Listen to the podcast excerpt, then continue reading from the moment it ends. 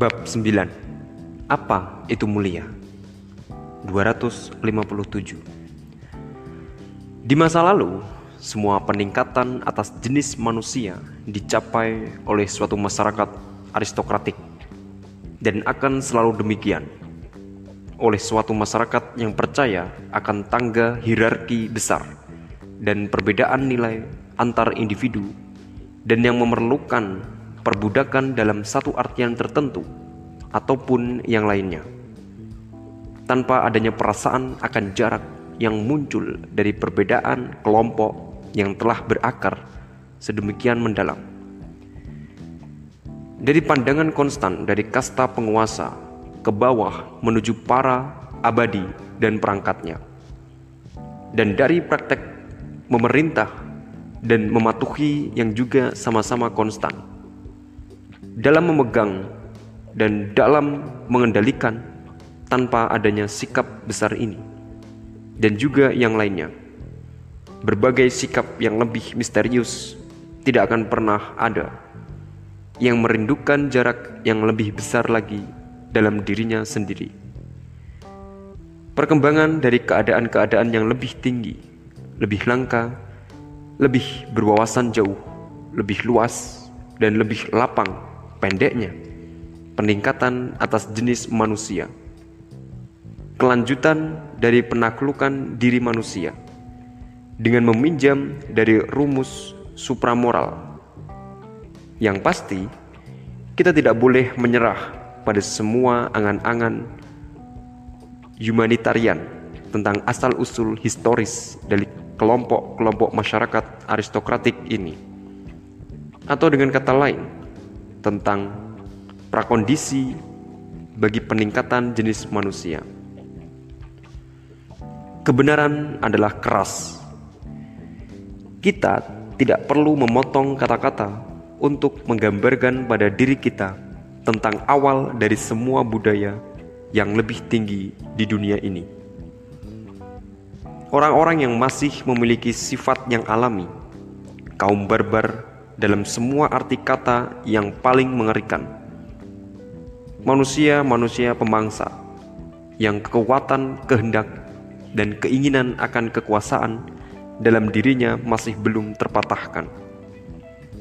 Menempatkan diri mereka di atas yang lebih lemah, ras-ras yang lebih sopan, cinta damai, mungkin ras pedagang atau peternak atau juga pada budaya-budaya yang hampir musnah di mana sisa-sisa daya hidupnya sudah meredup dalam suatu gambaran kehancuran besar.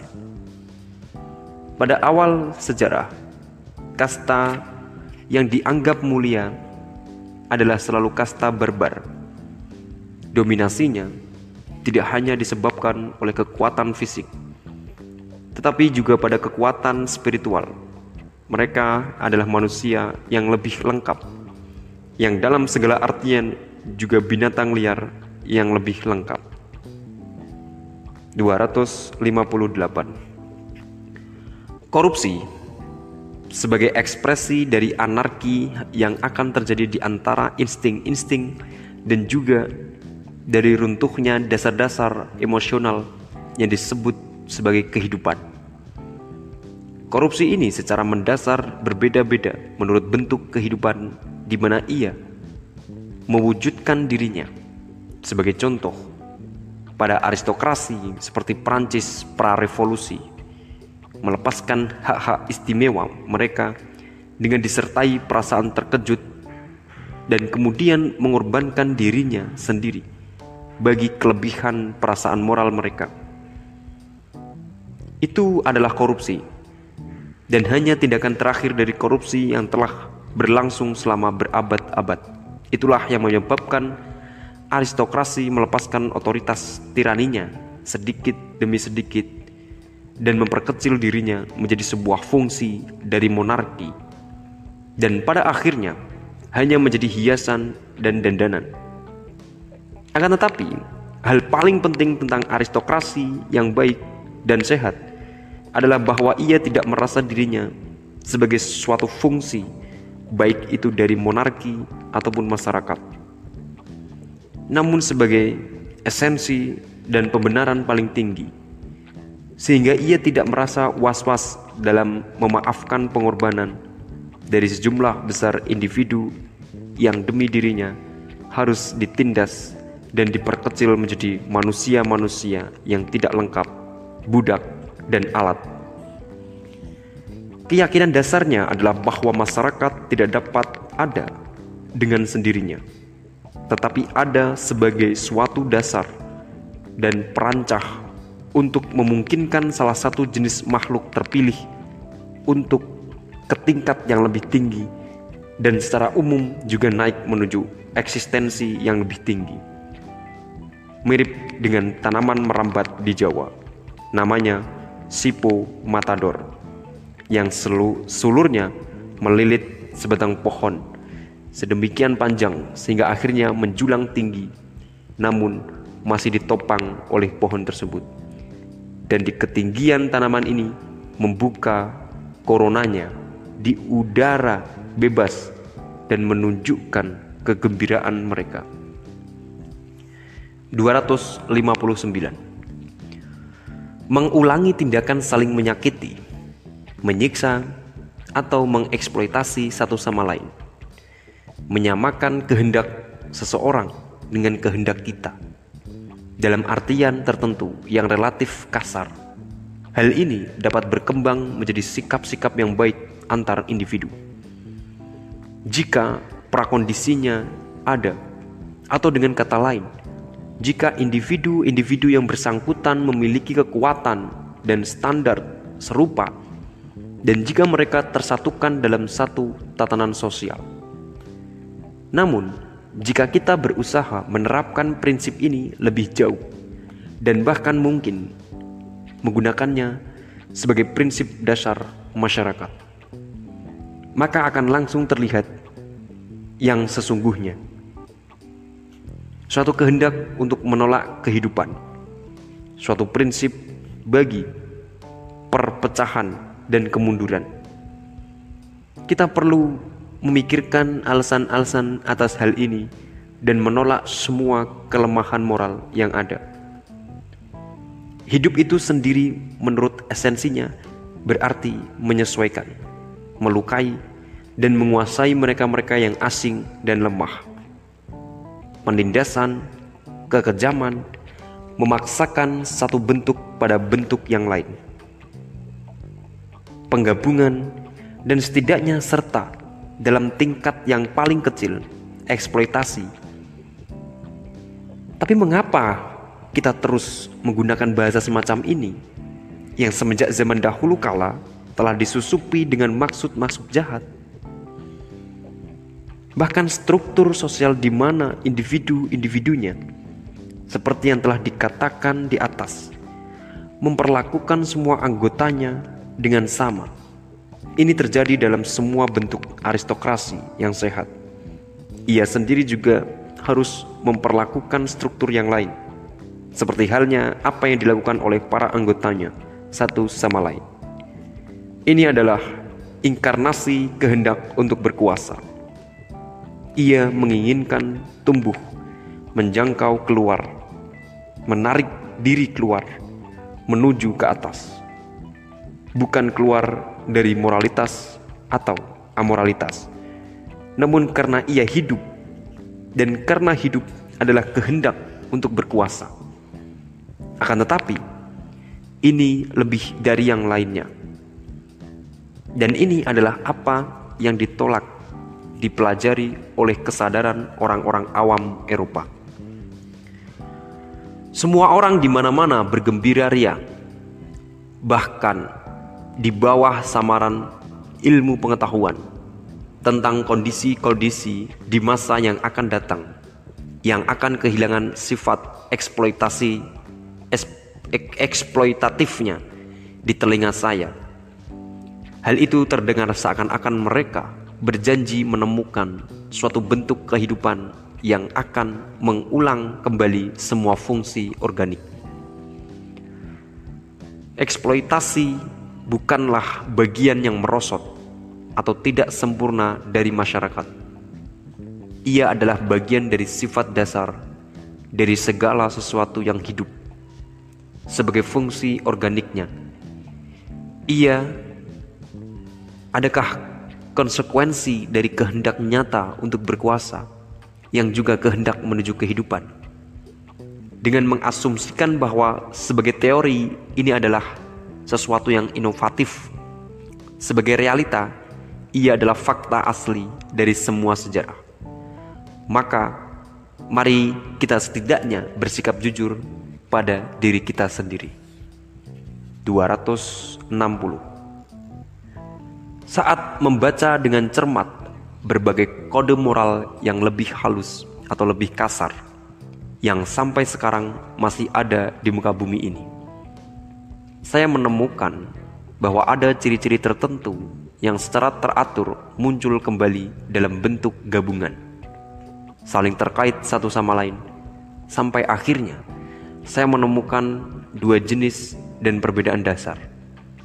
Keduanya adalah moralitas tuan dan moralitas budak. Perlu ditambahkan bahwa dalam budaya-budaya yang lebih tinggi dan lebih kompleks, terdapat juga usaha-usaha untuk memediasikan memediasikan kedua moral ini. Dan yang lebih sering lagi adalah pencampur adukan antara keduanya dan munculnya kesalahpahaman bersama. Bahkan kadang dalam penyejajaran yang sama pada individu yang sama. Perbedaan-perbedaan nilai moral dapat muncul baik dari jenis yang menguasai yang menyadari bagaimana ia berbeda dari yang ia kuasai atau juga dari yang dikuasai ini dikuasai yang dalam sejumlah tingkatan tertentu termasuk budak dan tanggungan. Dalam kasus yang pertama, yaitu jika yang menguasai menentukan konsep tentang yang baik, maka keadaan jiwa yang besar dan tinggi inilah yang dianggap membedakan dan menentukan hierarki. Orang-orang yang mulia menjaga jarak dari orang-orang yang mengekspresikan kebalikan dan yang tinggi, yang bangga akan keadaan batin. Dia memandang rendah mereka. Perlu dicatat di sini bahwa dalam jenis moralitas yang pertama, perbedaan antara baik dan buruk berarti semacam perbedaan antara mulia dan hina. Sedangkan perbedaan antara baik dan jahat berasal dari sumber yang berbeda. Orang yang pengecut, gelisah, picik, dan berpikiran sempit dipandang rendah. Demikian juga orang yang tidak dapat dipercaya dengan pandangannya yang terbatas memandang rendah diri sendiri, jenis tidak mandiri yang menahan diri terhadap penganiayaan, para penyanjung, dan para pembohong. Semua aristokrat meyakini kepercayaan dasar bahwa orang-orang awam adalah pembohong. Kitalah yang dapat dipercaya. Itulah bagaimana para bangsawan Yunani kuno menyebut diri mereka. Di sini tanpa jelas bahwa perbedaan nilai moral di semua tempat pertama-tama berkaitan dengan manusia dan hanya setelah itu ia diterapkan pada tindakan. Karena alasan inilah, para sejarawan moral dapat dikatakan melakukan kesalahan bodoh saat mengajukan pertanyaan seperti, "Mengapa kita memuji tindakan empatis?" Jenis manusia yang mulia merasa dirinya sebagai penentu nilai. Dia tidak membutuhkan persetujuan. Dia menilai bahwa apa yang berbahaya bagi saya adalah memang berbahaya. Dia tahu bahwa dialah yang menyebabkan sesuatu dihormati. Dialah yang menciptakan nilai. Segala sesuatu yang dia ketahui tentang dirinya sendiri dihormati. Kode moral ini merupakan kode moral yang memberikan pengagungan pada diri sendiri. Sementara di latar depan terdapat perasaan kepenuhan, kekuatan yang berlimpah, kebahagiaan yang menegangkan, kesadaran akan kekayaan yang ingin dilimpahkan dan dibagi. Kaum mulia juga akan membantu yang kurang beruntung, namun bukan. Atau namun sama sekali bukan karena merasa kasihan, tetapi karena merasa adanya desakan yang diciptakan oleh kelebihan kekuatan. Kaum mulia memuji kekuatan dalam dirinya sendiri dan juga kekuatannya atas dirinya sendiri. Kemampuannya untuk berbicara dan diam, menikmati ketajaman dan kekerasan terhadap dirinya, dan menghargai kekerasan dan ketajaman. Wotan menempatkan hati yang tajam di dadaku. Demikian isi salah satu hikayat kuno Skandinavia Itulah yang ditulis dari hati seorang Viking yang berbangga hati. Dan memang benar, karena orang semacam ini bangga bukan untuk merasa kasihan.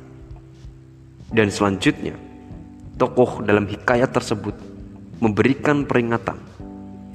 Jika hatimu tidak tajam saat kau masih muda, maka ia tidak akan pernah tajam. Orang-orang yang mulia dan pemberani dan yang berpikir seperti ini adalah orang-orang yang paling terpisah dari kode moral lain yang melihat moralitas dalam belas kasih atau perilaku altruistik atau desinteresement keyakinan pada diri sendiri kebanggaan pada diri sendiri pertentangan dan ironi yang bersifat mendasar terhadap ketiadaan diri ini semua tentunya merupakan bagian dari moralitas bangsawan yang berperan sebagai peringatan dan sedikit rasa jijik terhadap perasaan-perasaan empatis serta hati yang hangat.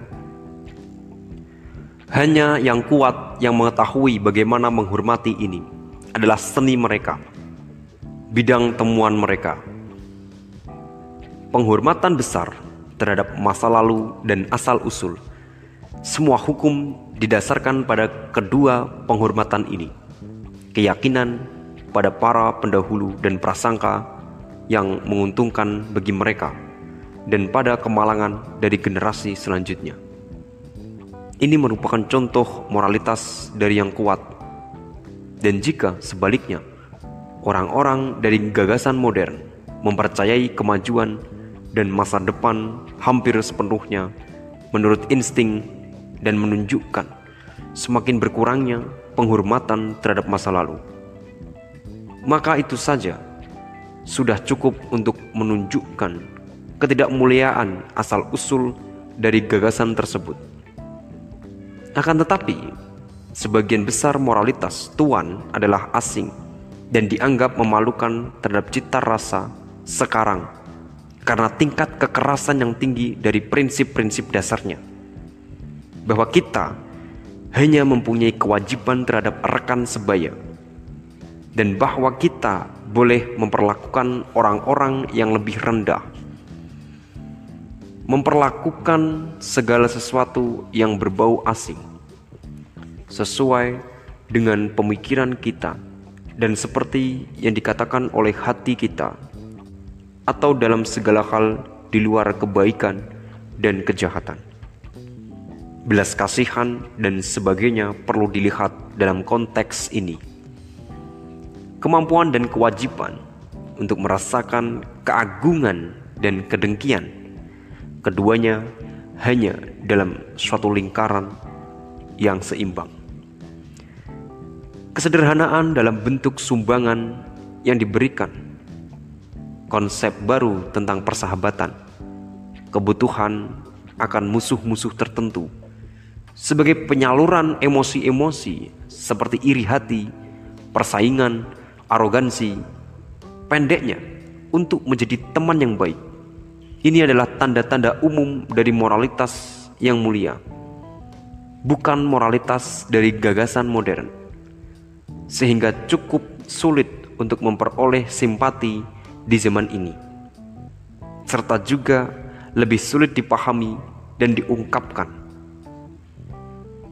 Moralitas yang dikatakan di atas berbeda dengan jenis moralitas kedua, yaitu moralitas budak dengan mengasumsikan bahwa pihak-pihak yang teraniaya, tertindas, menderita, tertekan, lemah, dan tidak aman terlibat dalam proses moralisasi. Bagaimana penilaian moral mereka secara umum? Mereka mungkin mengekspresikan kecurigaan pesimistik tentang seluruh kondisi manusia, dan mereka mungkin juga mengutuk manusia. Mata seorang budak tidak langsung memahami kebaikan-kebaikan dari yang kuat. Dia skeptis dan tidak mempercayai orang lain. Dia sangat tidak mempercayai segala sesuatu yang dianggap oleh yang kuat sebagai hal yang baik. Dia ingin meyakinkan dirinya sendiri bahwa kebahagiaan mereka sendiri bukanlah kebahagiaan sejati. Sebaliknya, kualitas-kualitas yang berfungsi untuk meringankan eksistensi dari pihak pihak yang menderita diangkat dan dijunjung tinggi. Di sinilah di mana belas kasih kebaikan hati, tangan yang suka menolong, hati yang hangat, kerajinan, kerendahan hati, keramahan dijunjung tinggi. Karena dalam konteks ini, kualitas-kualitas tersebut dianggap paling berguna dan praktis merupakan satu-satunya cara dalam menghadapi eksistensi yang berat. Moralitas budak pada dasarnya adalah moralitas kegunaan dan di sinilah perbedaan terkenal antara kebaikan dan kejahatan. Muncul kekuatan dan ancaman. Sesuatu kekuatan yang menumbuhkan rasa takut dan yang menjaga agar perasaan jijik tidak muncul ke permukaan. Diterjemahkan oleh pengalaman sebagai kejahatan. Dengan demikian, menurut moralitas budak, seorang yang jahat adalah orang yang menciptakan rasa takut dan ingin menciptakan rasa takut. Sementara orang yang buruk dirasakan sebagai sesuatu yang hina. Perbedaan ini muncul saat dalam kaitannya dengan moralitas budak. Sikap merendah sikap merendahkan diri mungkin relatif kecil dan memiliki maksud baik. Melekat pada orang-orang yang dianggap oleh moralitas ini sebagai orang yang baik. Karena dalam mentalitas budak, seorang yang baik adalah seorang yang dalam keadaan apa pun tidak berbahaya. Dia adalah orang yang memiliki sikap baik, mudah ditipu, dan mungkin sedikit bodoh. Seorang bonhomie. Apabila moralitas budak ini mendominasi bahasa akan menunjukkan adanya suatu kecenderungan untuk membuat hubungan yang lebih dekat antara kata baik dan bodoh. Perbedaan dasar terakhir, keinginan akan kebebasan, sebuah insting bagi kebahagiaan dan nuansa dari perasaan yang bebas, selalu merupakan bagian dari moral dan moralitas kaum budak. Sebagai penghormatan dan kesetiaan yang mempesonakan dan menandakan mentalitas dan penilaian aristokratik. Dari sini kita dapat langsung memahami mengapa cinta yang penuh gairah dapat dipastikan memiliki asal usul dari jenis yang mulia. Para kesatria penyair Provenkol dianggap sebagai yang menemukannya. Orang-orang yang mengagumkan dan kreatif dari G. Saber yang banyak memberikan sumbangan bagi Eropa. 261 Di antara perasaan-perasaan yang paling sulit dipahami oleh seorang bangsawan adalah kesombongan. Dia kemungkinan akan menolak keberadaannya, sekalipun ada orang lain yang beranggapan bahwa dia memahaminya. Dia mengalami kesulitan dalam membayangkan orang-orang yang berusaha menjelaskan sebuah pandangan baik tentang diri mereka namun sebenarnya tidak mereka miliki dan secara otomatis juga tidak layak memilikinya. Baginya, itu tampak sebagai sesuatu yang tidak bercita rasa dan tidak relevan dengan diri seseorang. Dia akan berkata, misalnya, "Aku mungkin salah tentang nilai diriku." Namun, di lain pihak, hal itu mengharuskan bahwa orang-orang lain mengenali nilai yang aku berikan pada diriku. Tetapi itu bukan kesombongan atau dia mungkin mengatakan ada banyak alasan untuk berbahagia tentang pandangan baik orang-orang tentang diriku. Mungkin karena aku menghormati dan mencintai mereka dan aku bahagia dengan semua kegembiraan mereka.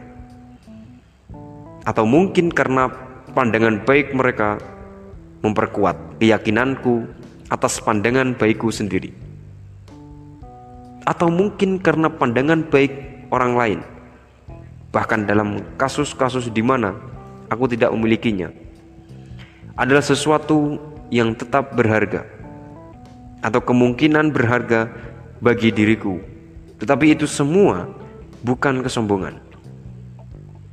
Diperlukan suatu dorongan khusus, khususnya dengan bantuan sejarah, bagi orang-orang mulia untuk menyadari bahwa dalam setiap jenis kelas sosial yang tidak mandiri semenjak zaman dahulu kala, seorang biasa adalah hanya apa yang diajarkan kepadanya dan sama sekali tidak berguna memberikan nilai pada dirinya.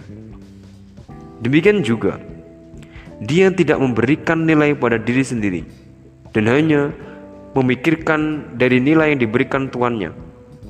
Penciptaan nilai benar-benar merupakan hak istimewa para tuan.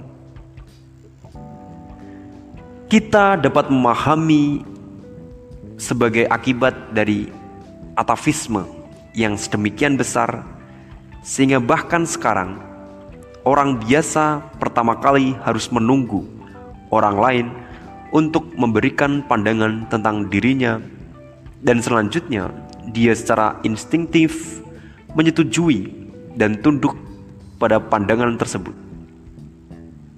Dan di sini tidak hanya terbatas pada pandangan-pandangan yang baik, tetapi juga termasuk pandangan-pandangan yang buruk atau tidak pantas.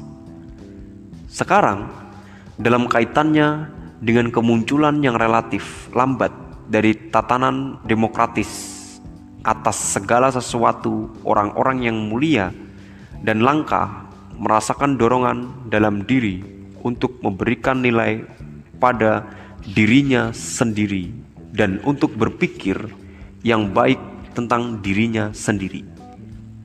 Dan saat ini, hal itu semakin tersebar luas. Namun, apabila kita berusaha menentangnya, maka hal itu merupakan petanda dari suatu kecenderungan yang lebih tua, lebih luas, dan lebih menyeluruh. Dan apabila telah sampai pada kesombongan, kecenderungan lama ini akan menguasai yang baru. Orang yang sia-sia akan berusaha mengambil kesenangan dalam setiap pandangan, baik yang dia dengar tentang dirinya sendiri, dan hal ini cukup terpisah dari masalah kegunaannya, dan secara otomatis juga terpisah dari kebenaran atau kepalsuannya. Seperti halnya dia menderita dari semua pandangan buruk tentang dirinya karena dia tunduk pada keduanya. Dia merasa patuh pada keduanya karena adanya insting kepatuhan lama yang muncul dalam dirinya. Budak yang ada dalam darah orang yang tidak berguna merupakan sisa-sisa kepemilikan sang budak dan betapa besar budak ini masih dirasakan. Misalnya, dalam diri kaum perempuan saat ini yang berusaha menggodanya untuk membentuk pandangan-pandangan yang baik tentang dirinya. Dan sang budaklah yang tunduk pada pandangan-pandangan tersebut. Seakan-akan dirinya sendiri bukan orang yang menciptakannya. Jadi saya ulangi, kesombongan adalah sebuah atavisme. 262 Suatu spesies menjadi hidup.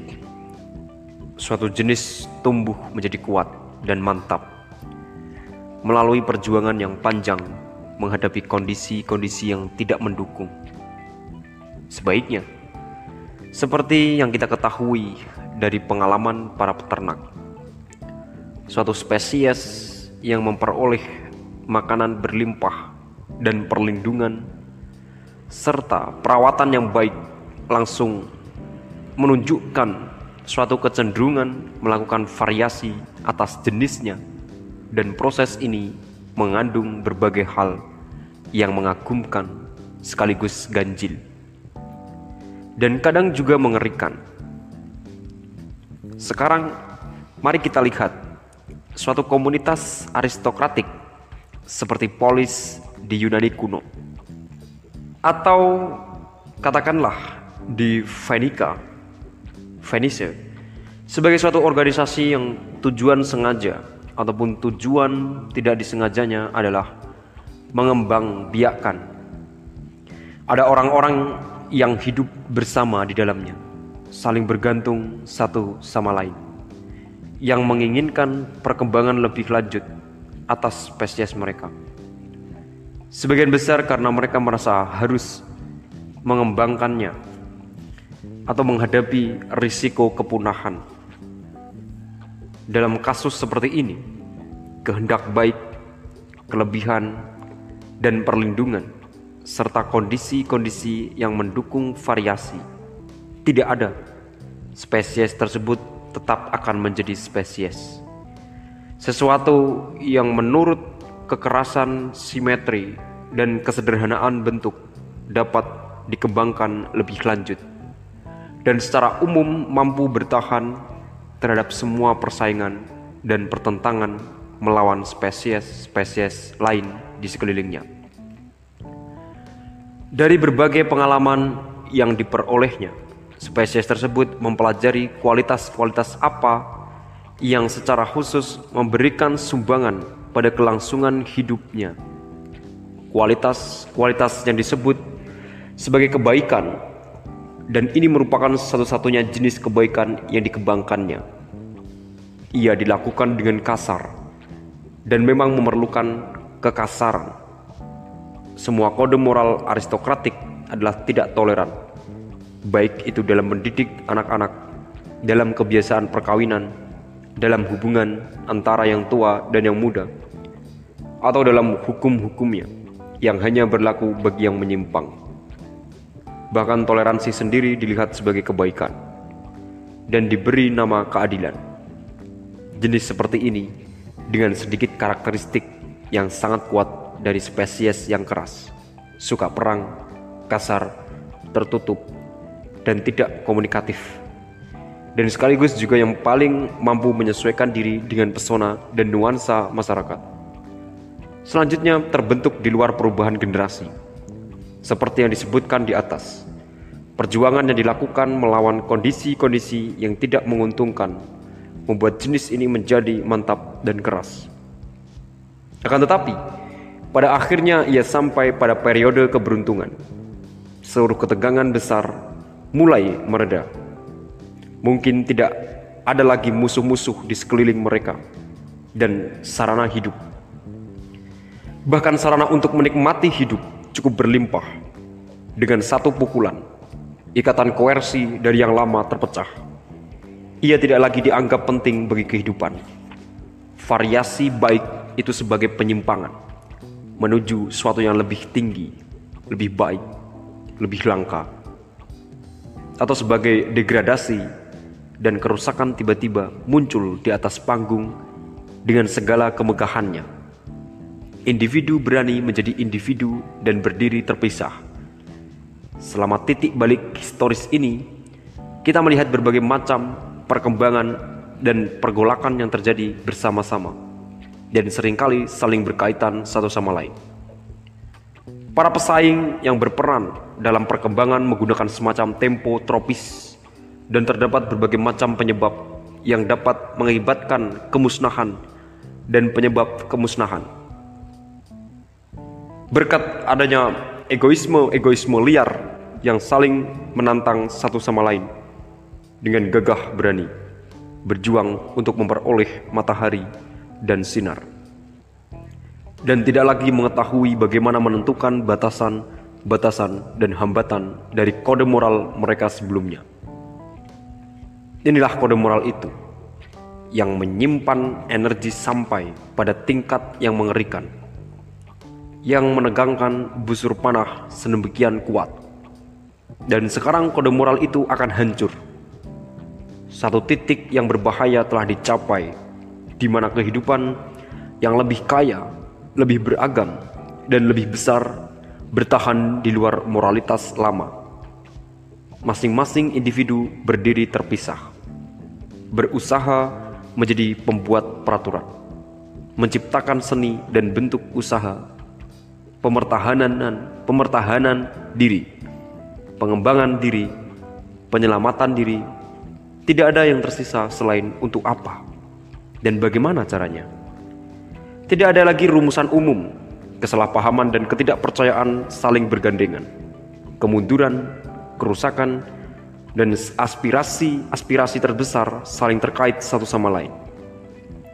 Yang jenius dari suatu ras menentukan yang baik dan yang buruk.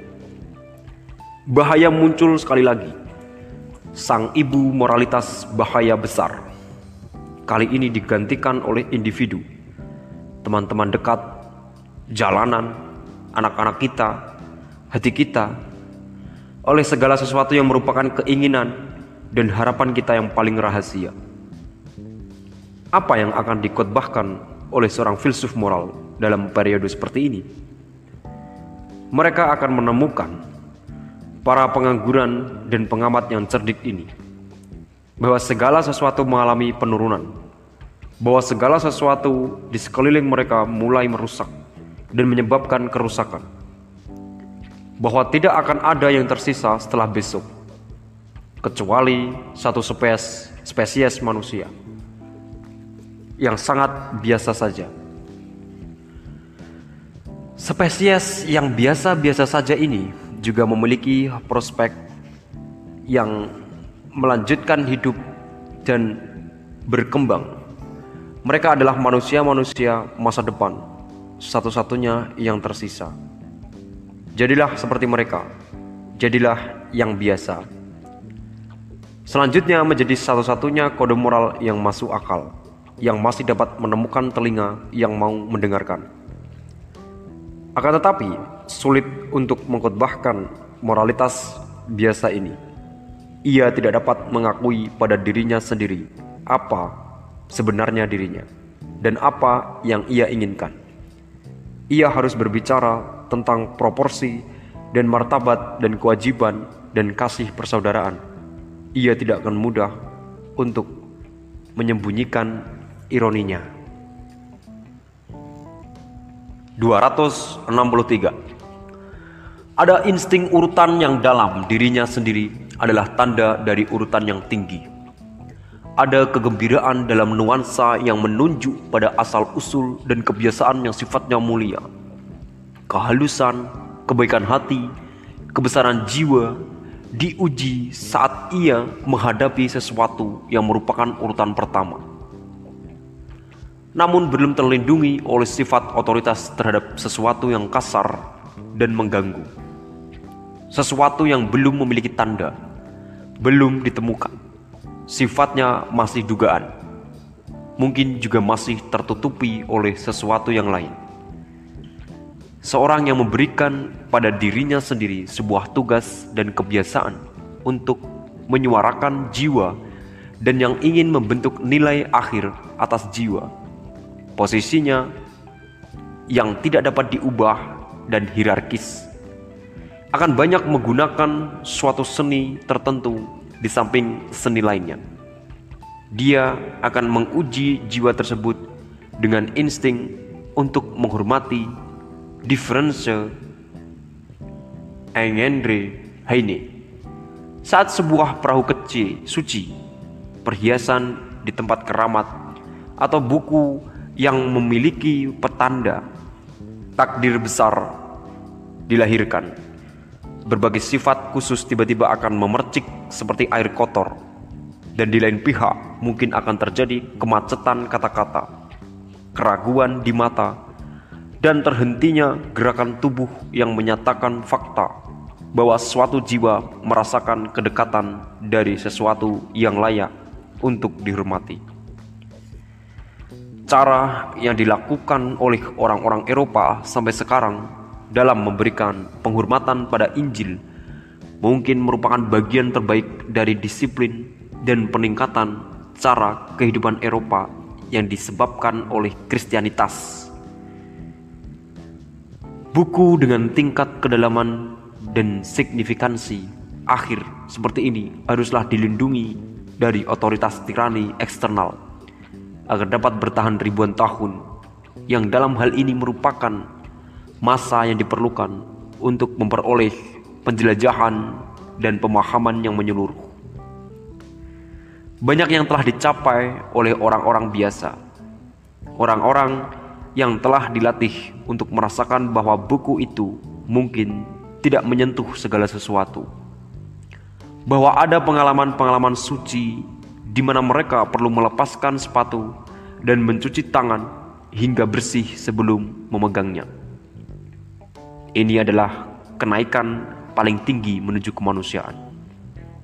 Sebaliknya, kaum terdidik, para penganut keyakinan pada gagasan modern, membangkitkan reaksi mendadak dari kita mungkin karena kita menganggap mereka tidak memiliki rasa malu karena mata dan tangan mereka yang kurang ajar yang menyentuh, menjilat, meraba-raba segala sesuatu.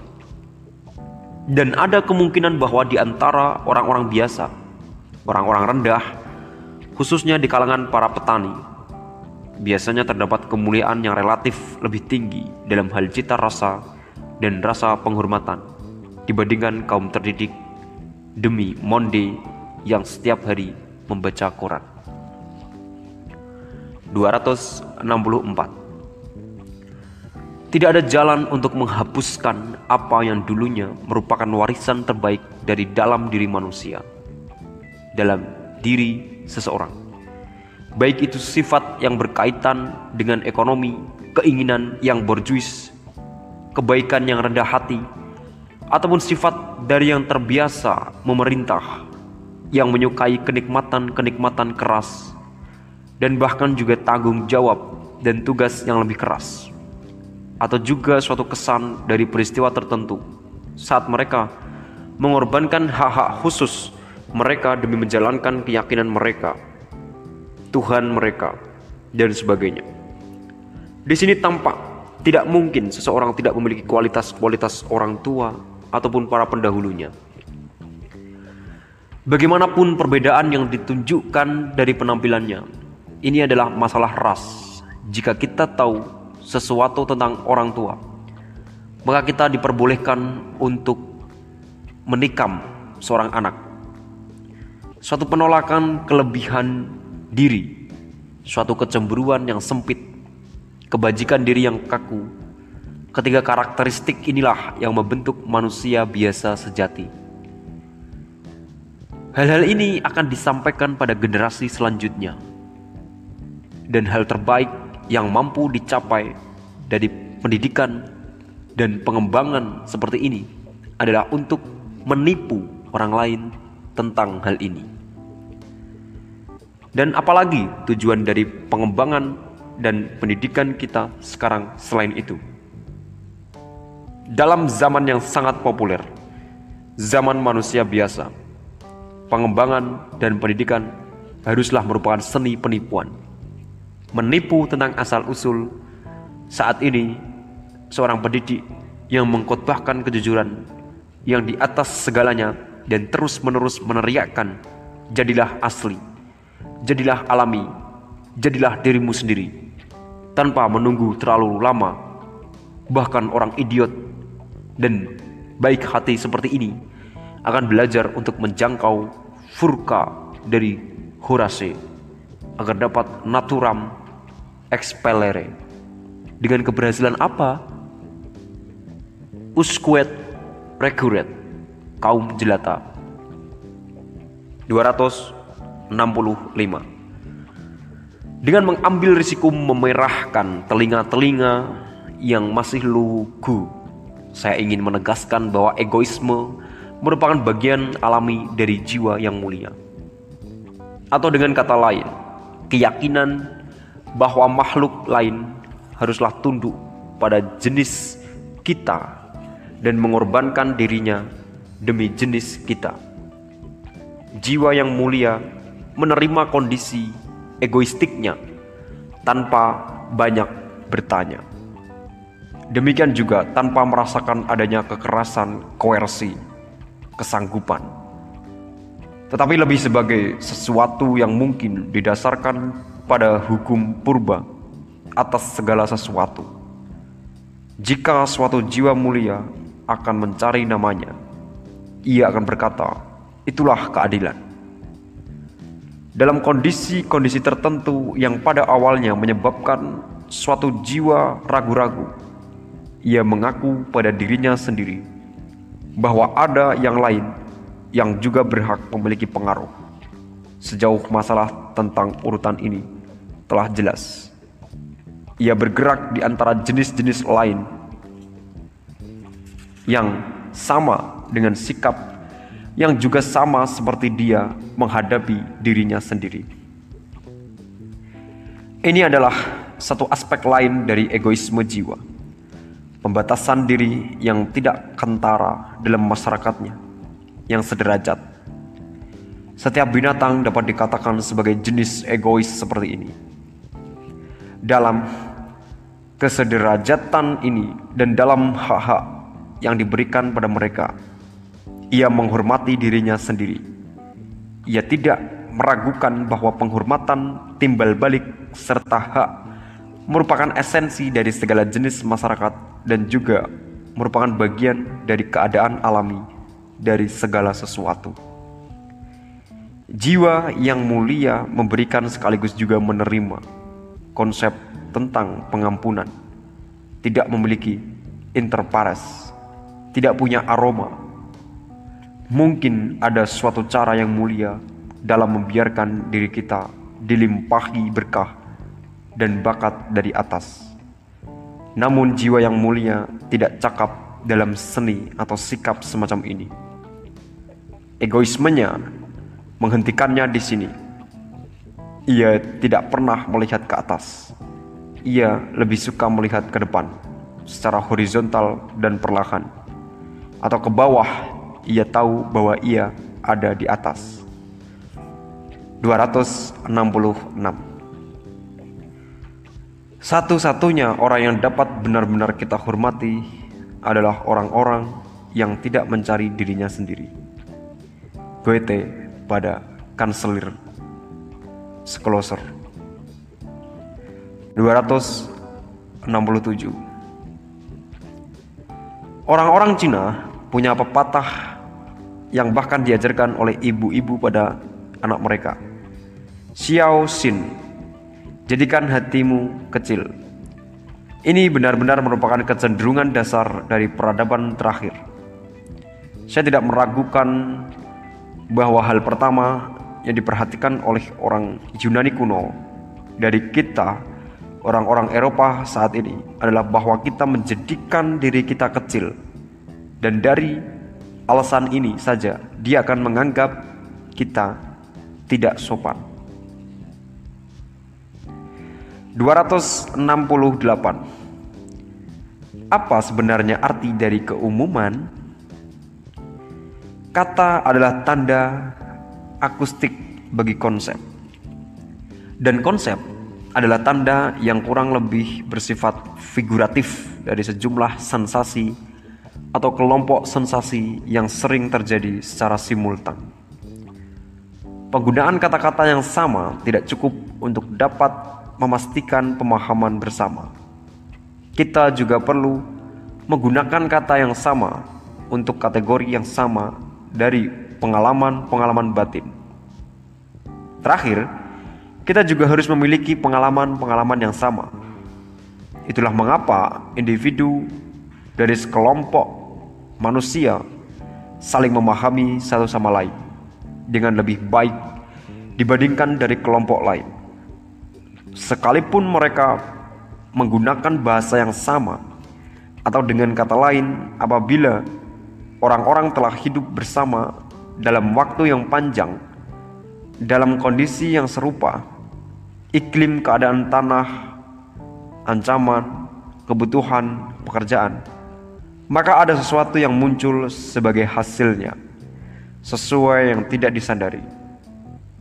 Di dalam semua jiwa, mereka terdapat serangkaian pengalaman serupa yang sering muncul, dan karena pengalaman inilah mereka dapat saling memahami dengan lebih baik dan lebih cepat. Sejarah bahasa adalah sejarah dari proses penyingkatan. Karena adanya pemahaman yang cepat, maka keterikatan mereka satu sama lain juga semakin erat. Semakin besar bahaya yang dihadapi, semakin besar pula kebutuhan untuk membentuk persetujuan dengan lebih cepat atas apa yang harus dilakukan. Tidak saling salah paham di saat-saat yang berbahaya Orang-orang dalam kelompok masyarakat mengetahui bahwa hal ini sangat penting. Kita melaksanakan pengujian atas hal ini, bahkan dalam menjalin persahabatan dan cinta. Kedua ikatan tersebut kemungkinan besar sering kali mencegah orang-orang membentuk keterikatan yang sifatnya tergesa-gesa dan bukan jenis spesies dari Schopenhauer. Mana di antara kelompok-kelompok sensasi dalam suatu jiwa muncul terlebih dahulu untuk berbicara atau memerintah? Inilah yang menentukan seluruh hierarki dari nilai jiwa individu yang bersangkutan dan menentukan apa yang dianggapnya sebagai hal-hal yang baik. Penilaian nilai dari seorang mengungkapkan sesuatu tentang bagaimana jiwanya terstruktur dan juga apa yang merupakan kondisi-kondisi penting bagi kelangsungan hidupnya atau kebutuhannya. Jika kita mengasumsikan bahwa kebutuhan selalu hanya membawa orang-orang yang memiliki tanda-tanda khusus dari kebutuhan dan pengalaman yang serupa, maka ini sama artinya dengan mengatakan bahwa tingkat pengkomunikasian kebutuhan yang relatif mudah yang pada akhirnya juga berarti mengalami dan memiliki pengalaman rata-rata haruslah yang paling kuat. Dari semua daya yang mengendalikan manusia semakin mirip maka juga semakin umum. Ini telah dan akan terus menjadi keuntungannya. Sementara yang lebih berbeda lebih langka serta lebih sulit dipahami ditinggalkan dan menjadi terasing serta tidak mampu berkembang biak kita perlu mempertimbangkan tentang daya-daya penanding lain untuk dapat mengubah kemajuan dalam kemiripan yang terlalu alami ini. Pengembangan lebih lanjut dari manusia-manusia yang serupa. Biasanya, biasa rata-rata kawanan manusia umum. 269 Semakin jauh seorang psikolog beralih pada kasus-kasus dan individu yang sifatnya khusus, maka semakin besar bahaya di mana dia dapat tercekik oleh belas kasihannya. Dia membutuhkan kekerasan dan kegembiraan lebih besar dibandingkan dengan orang lain. Karena tampaknya sudah menjadi peraturan bahwa apabila orang-orang yang lebih tinggi binasa. Maka jiwa-jiwa yang terbentuk secara berbeda juga akan hancur. Sangat mengerikan jika kita terus memikirkan tentang hal ini. Siksaan yang dialami oleh seorang psikolog yang menemukan kehancuran ini, yang telah memperoleh penemuan atas hampir semua kerusakan dalam diri manusia yang lebih tinggi. Semua yang sudah terlambat dan siksaan ini suatu hari nanti mungkin berubah menjadi usaha untuk merusak diri sendiri. Dapat mengakibatkan diri sendiri juga akan hancur.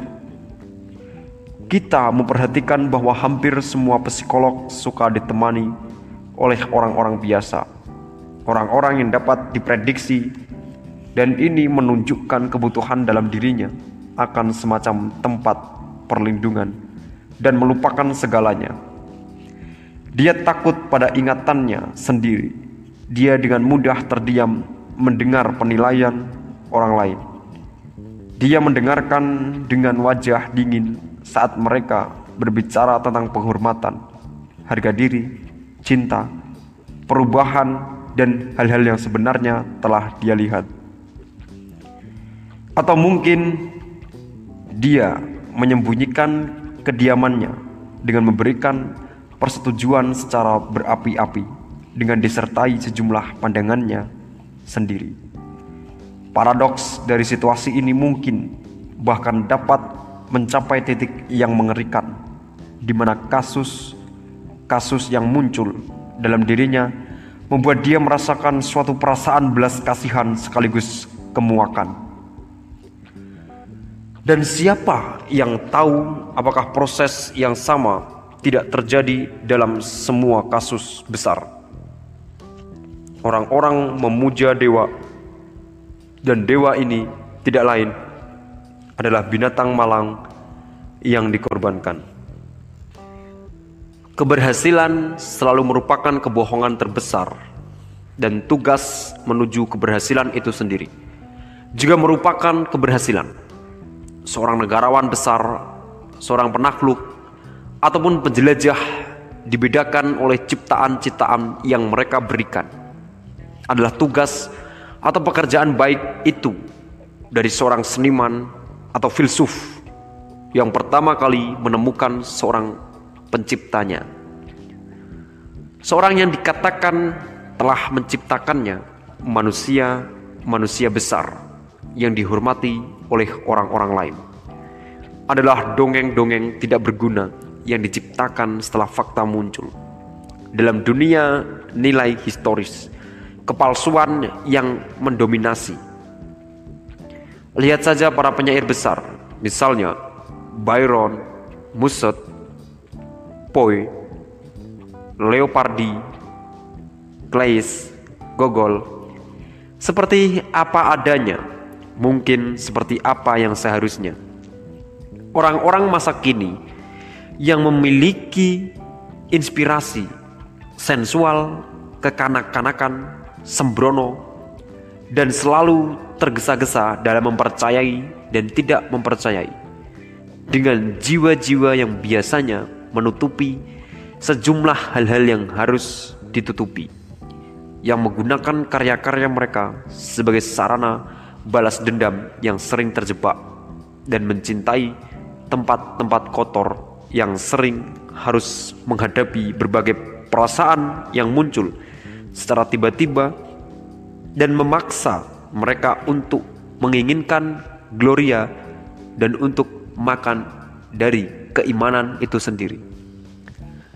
Betapa mengerikan siksaan yang dialami oleh para seniman besar ini serta manusia-manusia lainnya.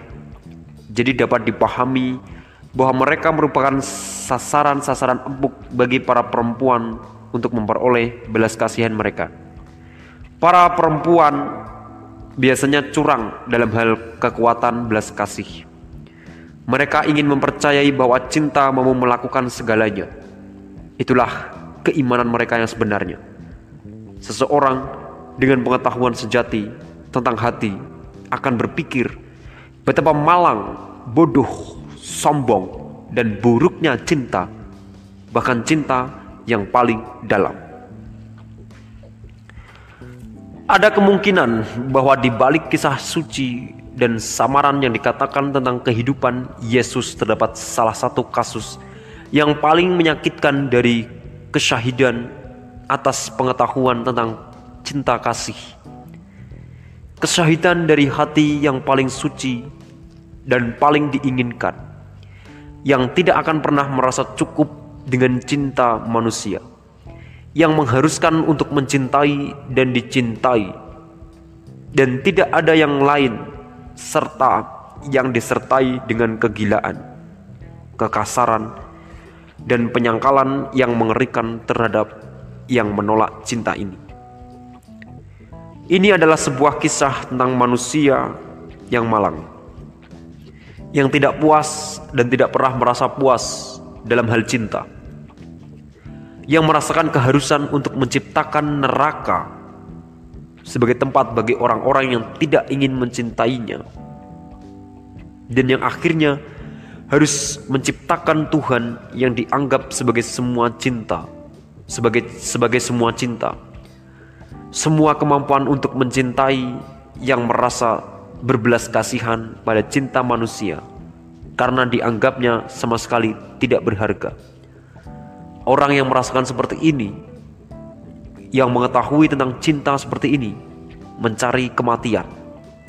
Akan tetapi, Mengapa pula kita harus memikirkan hal-hal yang menyedihkan seperti ini?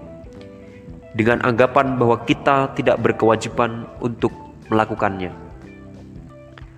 270 Kesombongan spiritual dari semua orang yang menderita, hierarki pada dasarnya ditentukan oleh seberapa dalam seseorang mampu menderita. Kepastiannya yang mengerikan, yang mewarnai dan melingkupi dirinya sehingga dari penderitaan tersebut dia mengetahui lebih banyak dibandingkan apa yang dapat diketahui oleh orang yang paling bijak sekalipun yang telah dikenali dunia-dunia yang menakutkan di mana kalian semua tidak tahu apa-apa tentangnya. Kesombongan spiritual dari orang yang menderita kebanggaannya sebagai manusia yang dipilih untuk mengetahui serta pengorbanannya memerlukan semua bentuk samaran untuk melindunginya dari sentuhan tangan-tangan yang mengganggu dan pendeknya dari segala sesuatu yang tidak berkaitan dengan rasa sakit. Penderitaan yang dalam membuat kita mulia.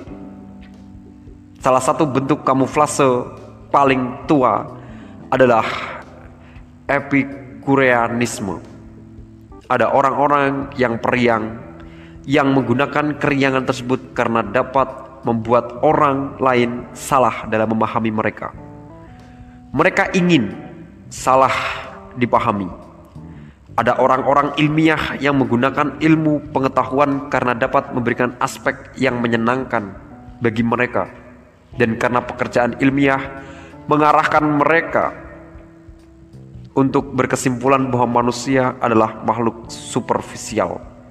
Mereka ingin menggoda kita untuk mengambil kesimpulan yang salah. Ada jiwa-jiwa yang bebas dan tidak sopan yang ingin menyembunyikan dan memperjuangkan kepemilikan atas hati yang berbangga diri, hancur dan tidak dapat diperbaiki. Dan kadang kebodohan sendiri menjadi topeng bagi pengetahuan yang rusak. Pengetahuan yang terlalu pasti. Dari sini kita dapat menyimpulkan bahwa kesombongan adalah tanda dari kemanusiaan yang lebih tidak kentara untuk memberikan penghormatan pada topeng dan tidak berusaha memahami psikologi atau rasa ingin tahu dengan cara yang salah. 271 Apa yang memisahkan dua orang adalah perbedaan pemahaman dan tingkat kebersihan mereka. Betapapun baik dan ramahnya mereka terhadap satu sama lain, seberapapun besarnya kehendak baik dari keduanya, pada akhirnya yang terjadi selalu sama. Mereka tidak dapat menahan bau satu sama lain. Seseorang yang dibebani oleh insting kebersihan akan menempatkan dirinya di tempat yang terasing, paling aneh, dan paling berbahaya. Seperti Santo, inilah apa yang sebenarnya dimaksudkan sebagai kesantoan spiritualisasi tertinggi atas insting ini. Suatu pengetahuan tentang pemenuhan kebahagiaan yang tidak dapat dijelaskan atas rasa haus yang terus-menerus muncul dalam jiwa dari malam menuju pagi dan dari kesuraman menuju cahaya, terang, kedalaman, kemuliaan, seperti halnya kita dibedakan oleh kecenderungan seperti ini. Dan ini adalah kecenderungan yang mulia. Ia juga memisahkan kita. Belas kasih orang suci adalah belas kasih bagi kotoran dari segala sesuatu yang manusia, terlalu manusia. Dan ada tingkatan dan ketinggian di mana dia bahkan akan merasakan belas kasihan tersebut sebagai suatu polusi, suatu kotoran. 272 Tanda kemuliaan tidak pernah berpikir untuk membuat tugas kita menjadi tugas semua orang. Tidak ingin mengubah atau membagikan tanggung jawab kita, menganggap hak-hak istimewa kita dan pelaksanaannya sebagai bagian dari tugas. 273 Seseorang yang berusaha menuju hal-hal besar akan melihat semua orang yang dia temui di jalannya sebagai alat penundaan atau hambatan atau mungkin sebagai tempat peristirahatan sementara. Ciri khasnya, karakteristiknya yang mencakup kebaikan terhadap manusia lain hanya dapat diperoleh jika dia telah mencapai tingkat paling tinggi dan berkuasa. Ketidaksabaran dan kesadarannya yang saat ini dikutuknya sebagai kepura-puraan karena perang juga merupakan kepura-puraan. Karena semua tujuan disembunyikan oleh cara menghancurkan semua kedekatannya dengan orang lain.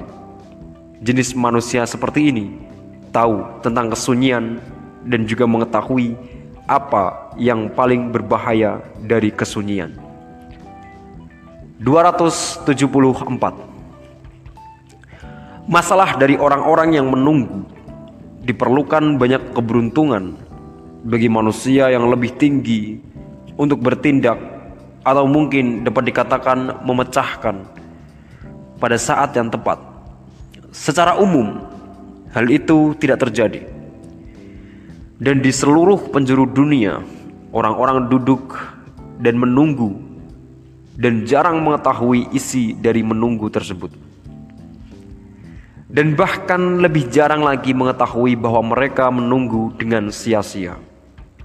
Demikian juga, kadang panggilan suatu peristiwa kebetulan yang memberikan izin bagi mereka untuk bertindak datangnya terlambat saat masa muda dan kekuatan dalam melaksanakan tindakan tersebut telah habis karena digunakan untuk menunggu terlalu lama. Dan beberapa banyak orang yang saat terjaga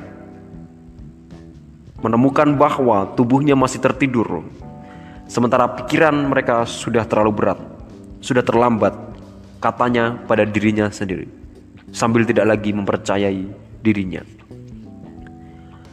Mungkinkah Rafael tanpa tangan? Dalam artian yang paling luas bukan merupakan perkecualian dalam dunia para jenius tetapi lebih merupakan peraturan?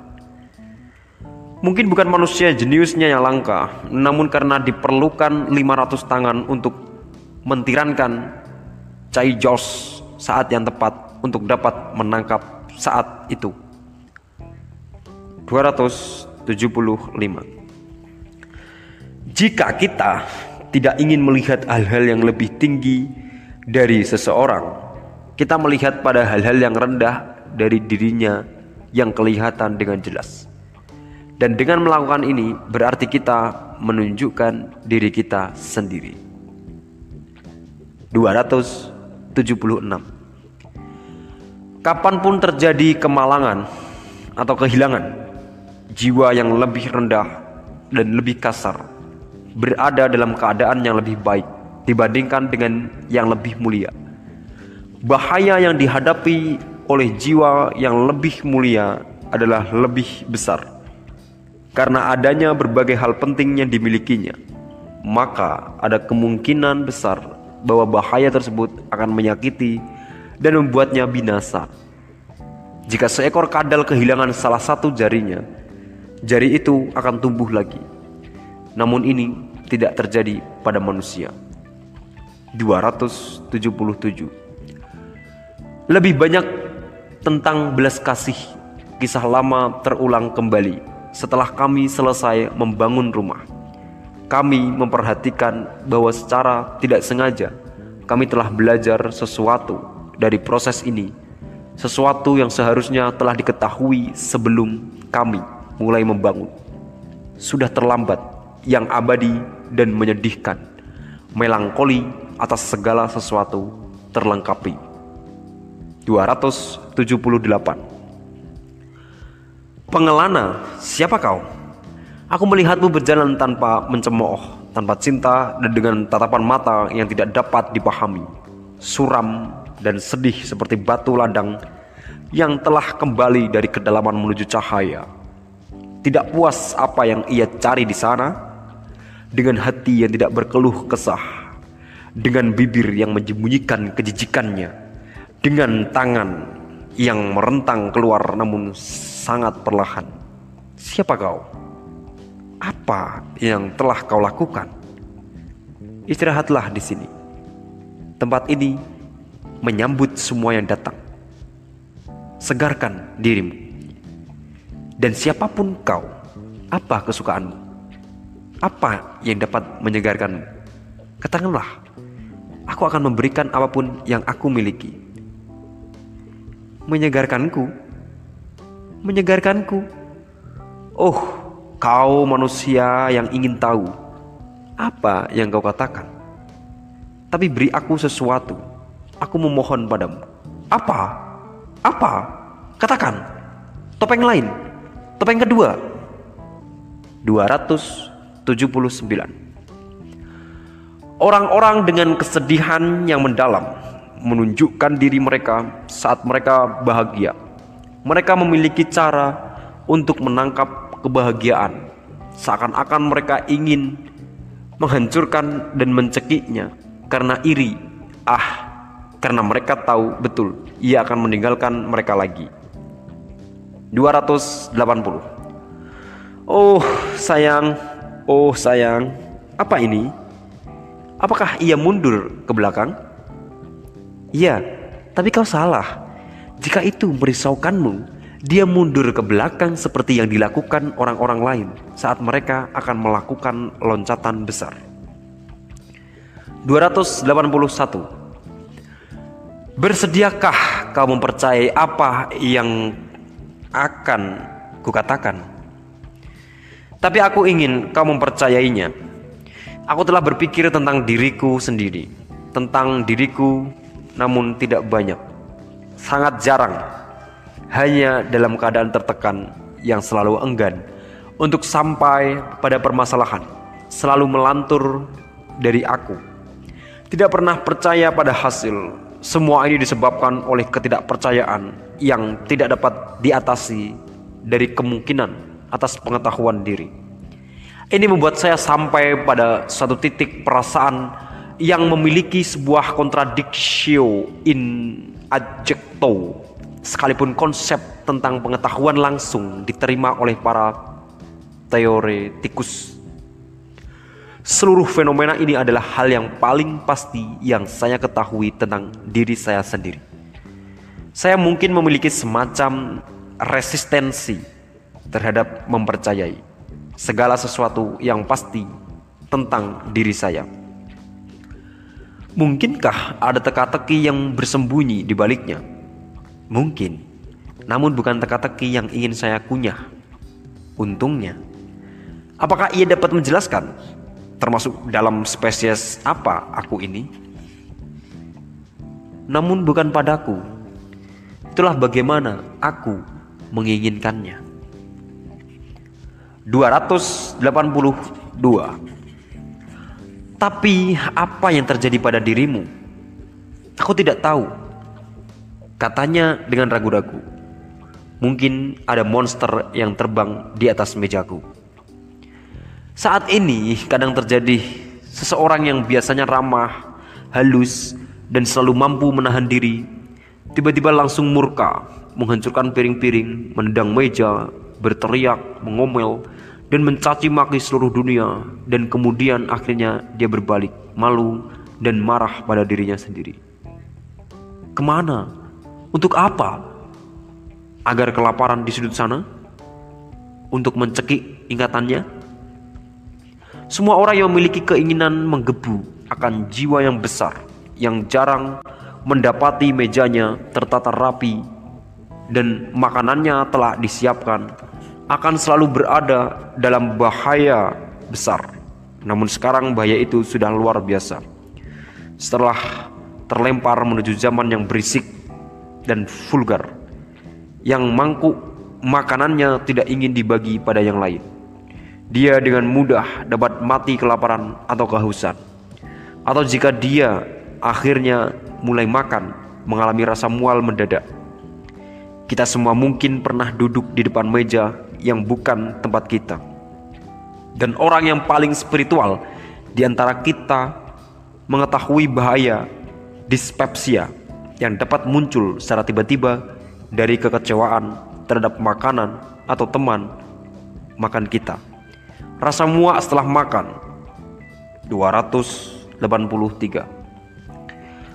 Kita menunjukkan satu bentuk pengendalian diri yang hampir tidak kentara sekaligus mulia dengan mengasumsikan bahwa kita ingin memujinya dengan memuji apa yang tidak kita setujui jika tidak demikian, maka berarti kita memuji diri sendiri, yang dalam hal ini bertentangan dengan cita rasa yang baik. Yang jelas, pengendalian diri seperti ini menawarkan suatu dorongan dan kesempatan yang baik untuk terus disalahpahami.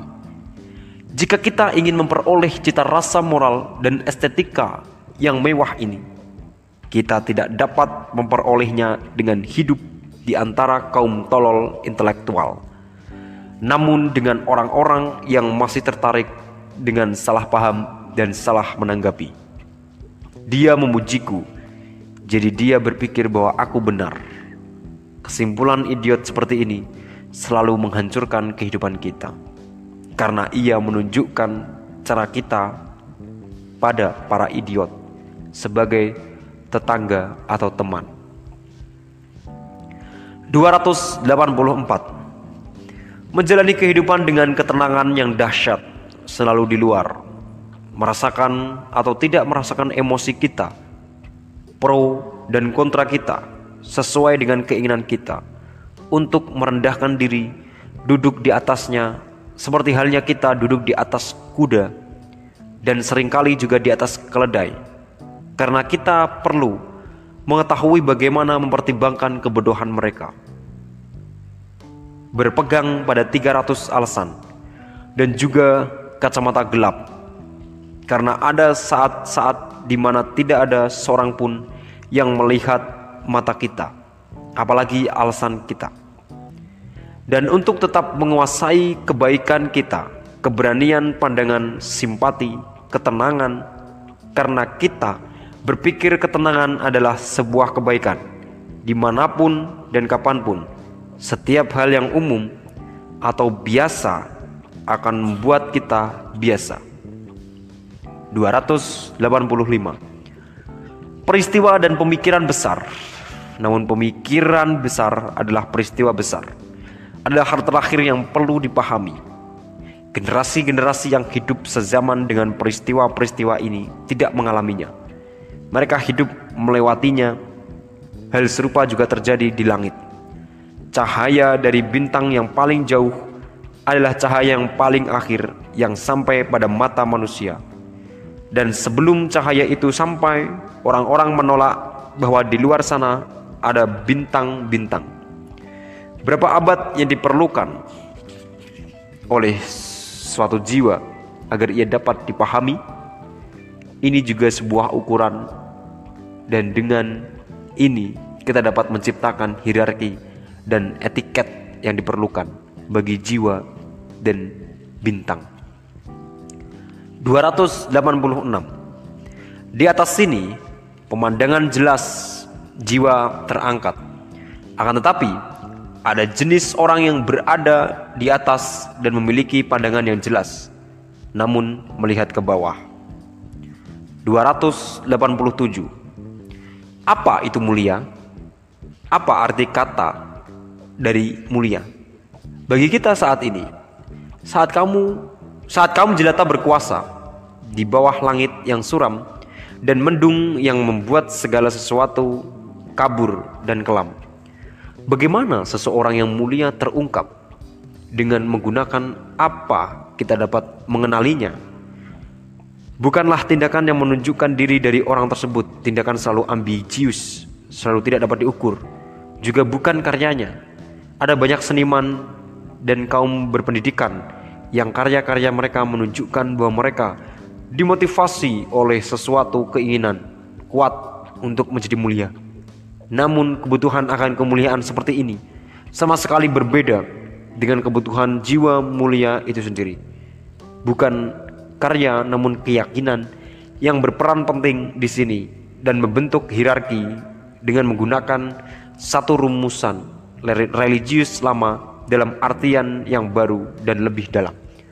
Sejumlah kepastian dasar dari jiwa mulia itu sendiri. Sesuatu yang tidak dapat dicari, ditemukan, atau mungkin hilang. Jiwa mulia memuja dirinya sendiri. 200 88. Ada orang-orang yang tidak dapat menghindar untuk memiliki jiwa. Betapapun kerasnya mereka membalik dan memutar diri mereka sendiri dan memegang tangan di atas mata pengkhianatan.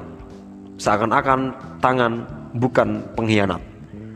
Pada akhirnya selalu tampak bahwa mereka menyembunyikan sesuatu, yakni jiwa.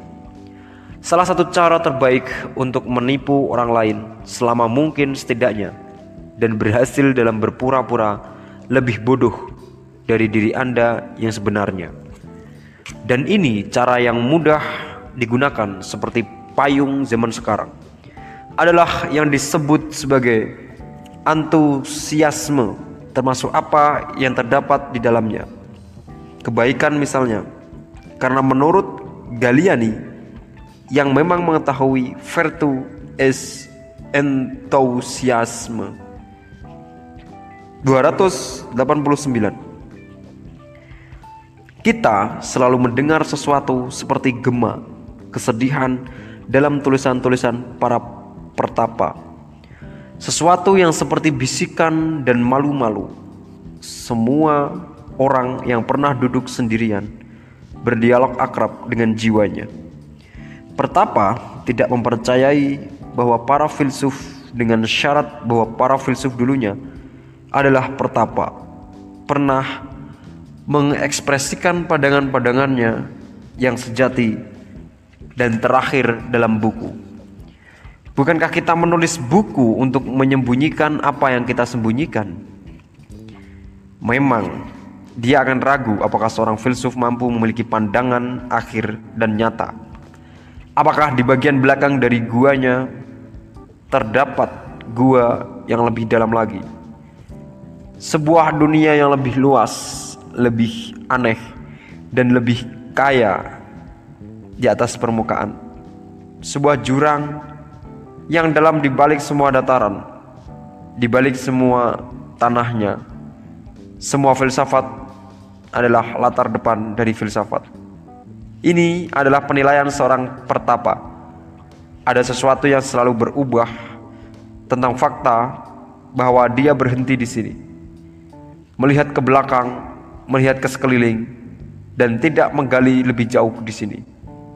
Namun meletakkan skopnya dan juga ada sesuatu yang mencurigakan di dalamnya. Setiap filsafat juga menyembunyikan filsafat. Setiap opini juga merupakan tempat persembunyian setiap kata adalah topeng. 290. Setiap pemikir yang berpikiran dalam lebih takut dipahami dibandingkan disalahpahami. Dalam kasus disalahpahami, kesombongannya mungkin menderita. Namun dalam kasus dipahami, yang menderita adalah hatinya, simpatinya, dan selamanya mengatakan, "Oh, mengapa kalian semua juga menginginkannya seperti aku?" 291 Manusia binatang yang kompleks, suka bohong, artifisial, dan tidak dapat ditembus, serta mengganggu binatang lain, bukan karena kekuatannya, namun lebih karena kelicikan dan kepandaiannya, menciptakan kesadaran baik sehingga mereka dapat mulai menikmati jiwa mereka dengan cara menyederhanakannya. Dan semua moralitas adalah sebuah pemalsuan yang panjang dan berani yang memungkinkan kita untuk memperoleh kegembiraan apa saja yang dapat diperoleh dalam mengamati jiwa. Dari pandangan ini mungkin ada lebih banyak hal dari konsep tentang seni dibandingkan dengan yang kita perkirakan. 292 Seorang filsuf yaitu orang yang selalu mengalami, melihat, mendengar, mencurigai, berharap, dan membayangkan hal-hal luar biasa yang terpersona oleh pikirannya sendiri. Seakan-akan pikiran itu berasal dari luar, dari atas, atau dari bawah, yang mungkin dirinya menjadi badai topan yang berkeliaran dengan membawa kilat baru. Seorang yang tidak menyenangkan, mondar mandir sambil meraung, menggerutu, seorang filsuf Ya ampun, makhluk yang sering kali lari dari dirinya sendiri, takut pada dirinya sendiri, namun terlalu ingin tahu untuk tidak sampai pada dirinya sendiri. 293 Seseorang yang berkata, itu menyenangkan bagiku. Aku akan membuatnya sendiri dan melindunginya serta mempertahankannya dari semua orang.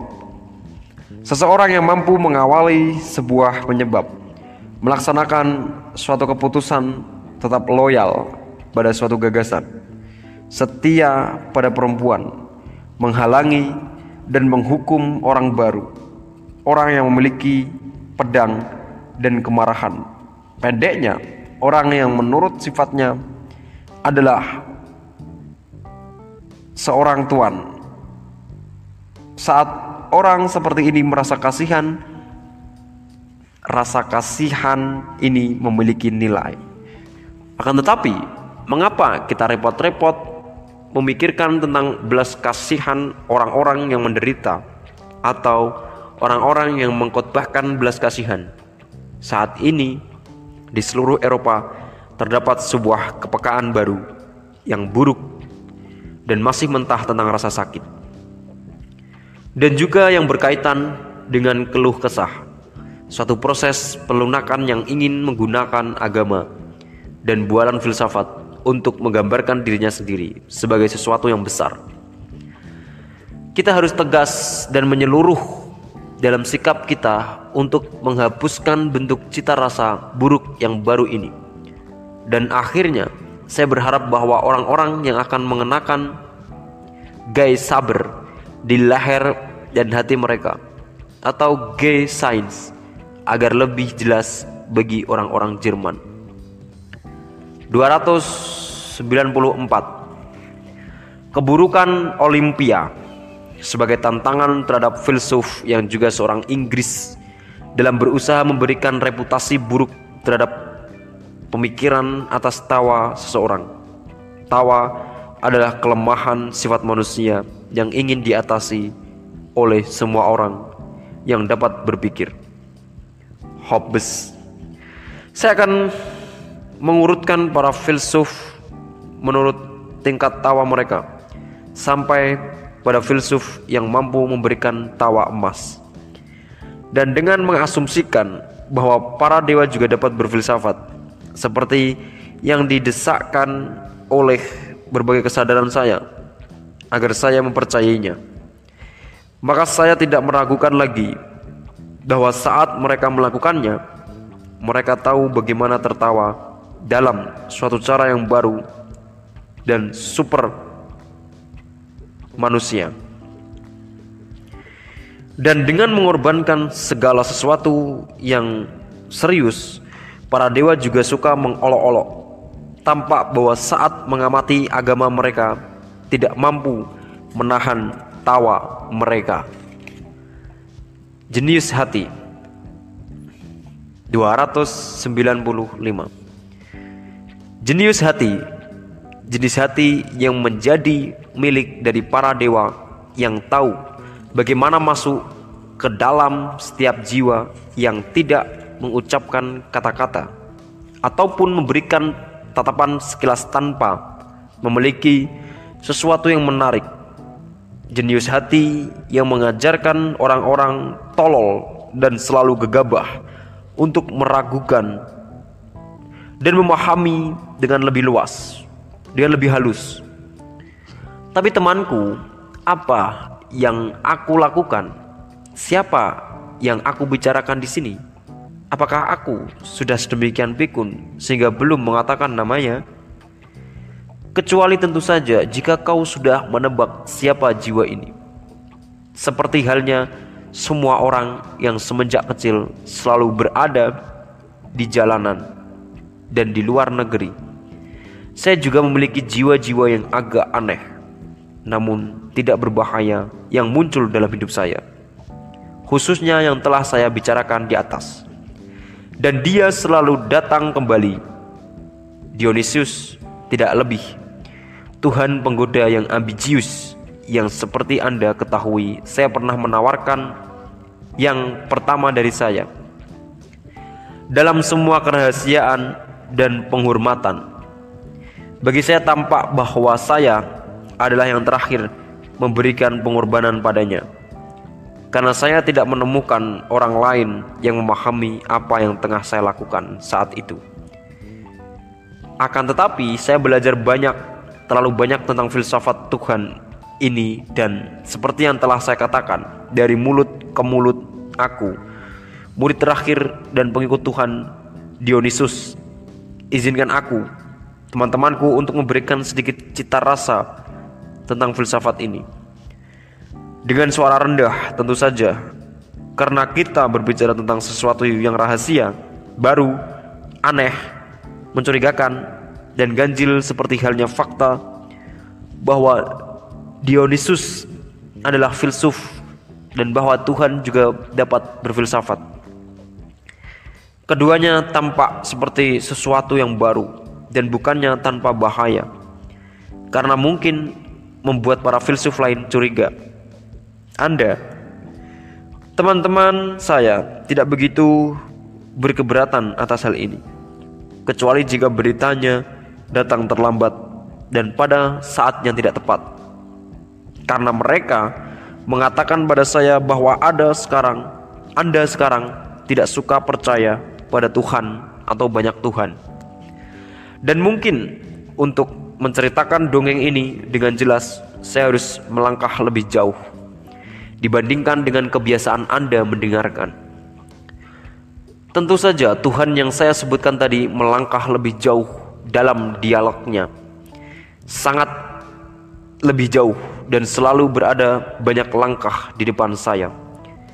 Memang, jika saya diizinkan untuk mengikuti kebiasaan manusia dan menyebutnya dengan nama yang indah, megah, menyenangkan, dan baik, maka saya harus berbicara dalam cara yang sangat megah tentang keberaniannya sebagai seorang penjelajah dan penemu. Dengan kepandaian, kejujuran, dan kecintaannya akan kebijakan akan tetapi, Tuhan ini tidak memerlukan semua sampah seperti itu. Bawa itu, katanya, untukmu dan orang-orang sepertimu dan siapa saja yang mungkin membutuhkannya. Aku tidak perlu alasan untuk menutupi ketelanjanganku. Apakah menurut Anda sifat ketuhanan dan filsuf seperti ini tidak memiliki rasa malu? Selanjutnya, dia berkata, dalam hal tertentu aku mencintai manusia. Dia menyinggung tentang Ariadne yang juga ada di situ. Bagiku manusia adalah binatang yang menyenangkan.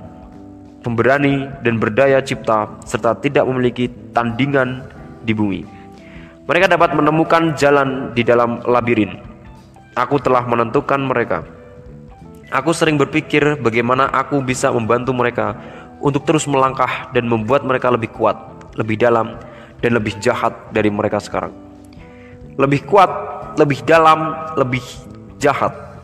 Aku bertanya dengan ketakutan. Ya, katanya sekali lagi. Lebih kuat, lebih dalam, lebih jahat, juga lebih indah.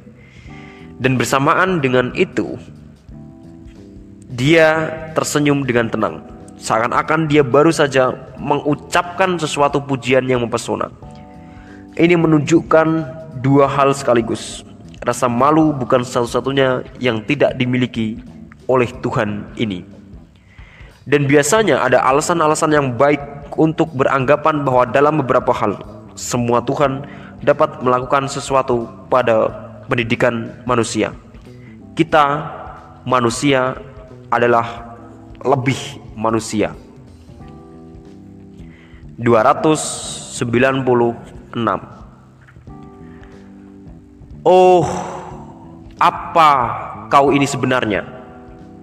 Kalian semua, pikiran-pikiran yang akan pikiran-pikiran yang aku tuliskan dan aku gambarkan beberapa waktu lalu, kalian masih penuh warna muda dan nakal penuh duri dan pedas yang tersembunyi yang membuatku bersin dan tertawa.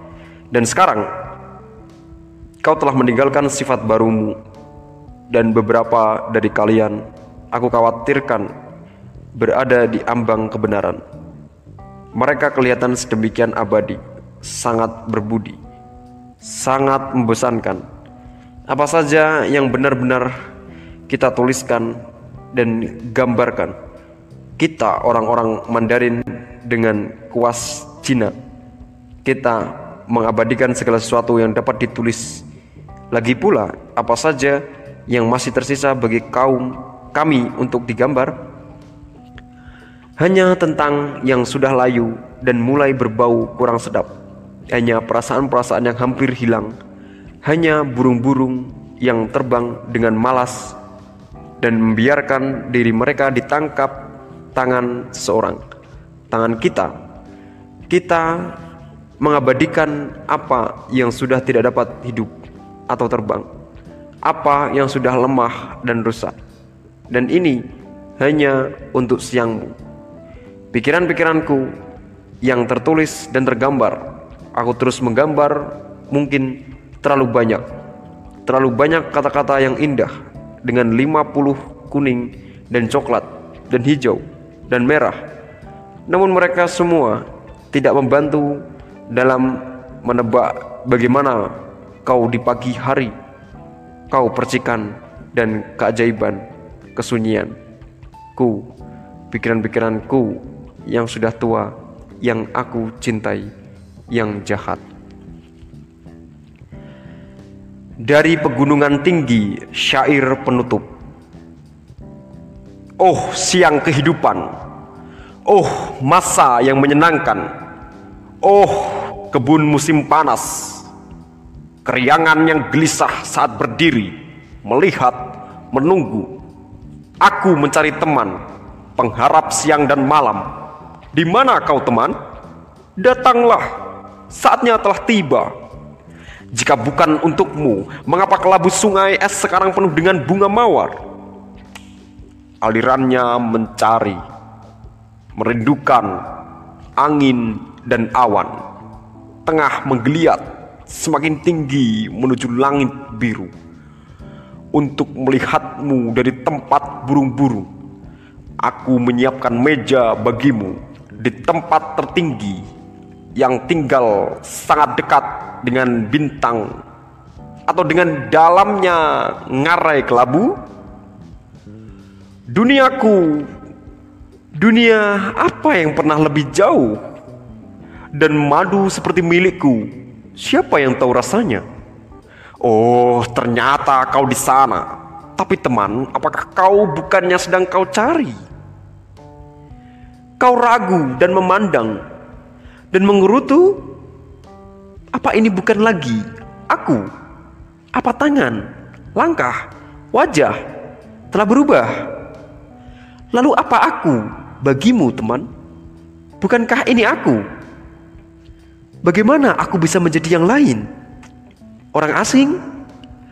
Meloncat dariku?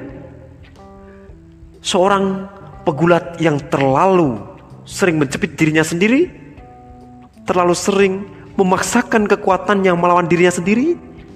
Dan terluka? Terintangi oleh keberhasilannya sendiri? Bukankah aku telah mencari tempat di mana angin bertiup paling kencang? Dan belajar tinggal di tempat yang tidak dihuni seorang pun. Tempat para beruang es melupakan semua manusia dan Tuhan dan kutukan. Doa menjadi hantu yang meluncur di atas sungai es. Kau, teman lamaku, lihat bagaimana kau memucat dengan cinta dan ketakutan. Jangan, pergilah, karena kau tidak bisa tinggal di sini, terpencil di sini, di dunia es dan batu, di mana seorang harus menjadi rusa dan pemburu Aku adalah pemburu yang kejam. Lihat betapa tegang rentangan busurku. Hanya manusia terkuat yang mampu menariknya. Jadi, tapi sekarang panah ini tampaknya berbahaya. Tidak seperti yang lainnya. Cepatlah, cari tempat berlindung. Kau berbalik. Oh hati, kau telah cukup bertahan. Harapanmu kuat Tetaplah buka pintumu bagi teman-teman baru. Biarkan yang lama pergi bersama dengan kenangan mereka. Jika kau dulu muda, sekarang kau muda lebih baik. Apa pun yang mengikat kita dalam satu harapan yang membaca petanda, pertanda yang dituliskan oleh cinta, semuanya begitu pucat. Bagiku itu seperti kertas kulit yang tidak ada tangan yang berani menyentuhnya meskipun digoreng dan dibakar. Mereka bukan lagi teman. Mereka apa mereka itu? Hanya hantu teman. Malam hari mereka mengetuk hatiku dan jendelaku. Mereka melihatku dan berkata, "Bukankah kau kita dulu bersama?" Oh, kata-kata yang layu, yang dulu baunya seperti bunga mawar. Oh, kerinduan yang terlahir salah, yang aku rindukan terbayangkan saat berubah dan nyata bagiku. Ketuaan telah membuat mereka pergi. Ingin tetap bersamaku. Kau harus mengubah dirimu. Oh siang kehidupan, oh musim muda kedua, oh kebun musim panas, keriangan yang gelisah saat berdiri, melihat, menunggu, aku mencari teman, pengharap siang dan malam. Di mana kau teman? Datanglah, saatnya telah tiba.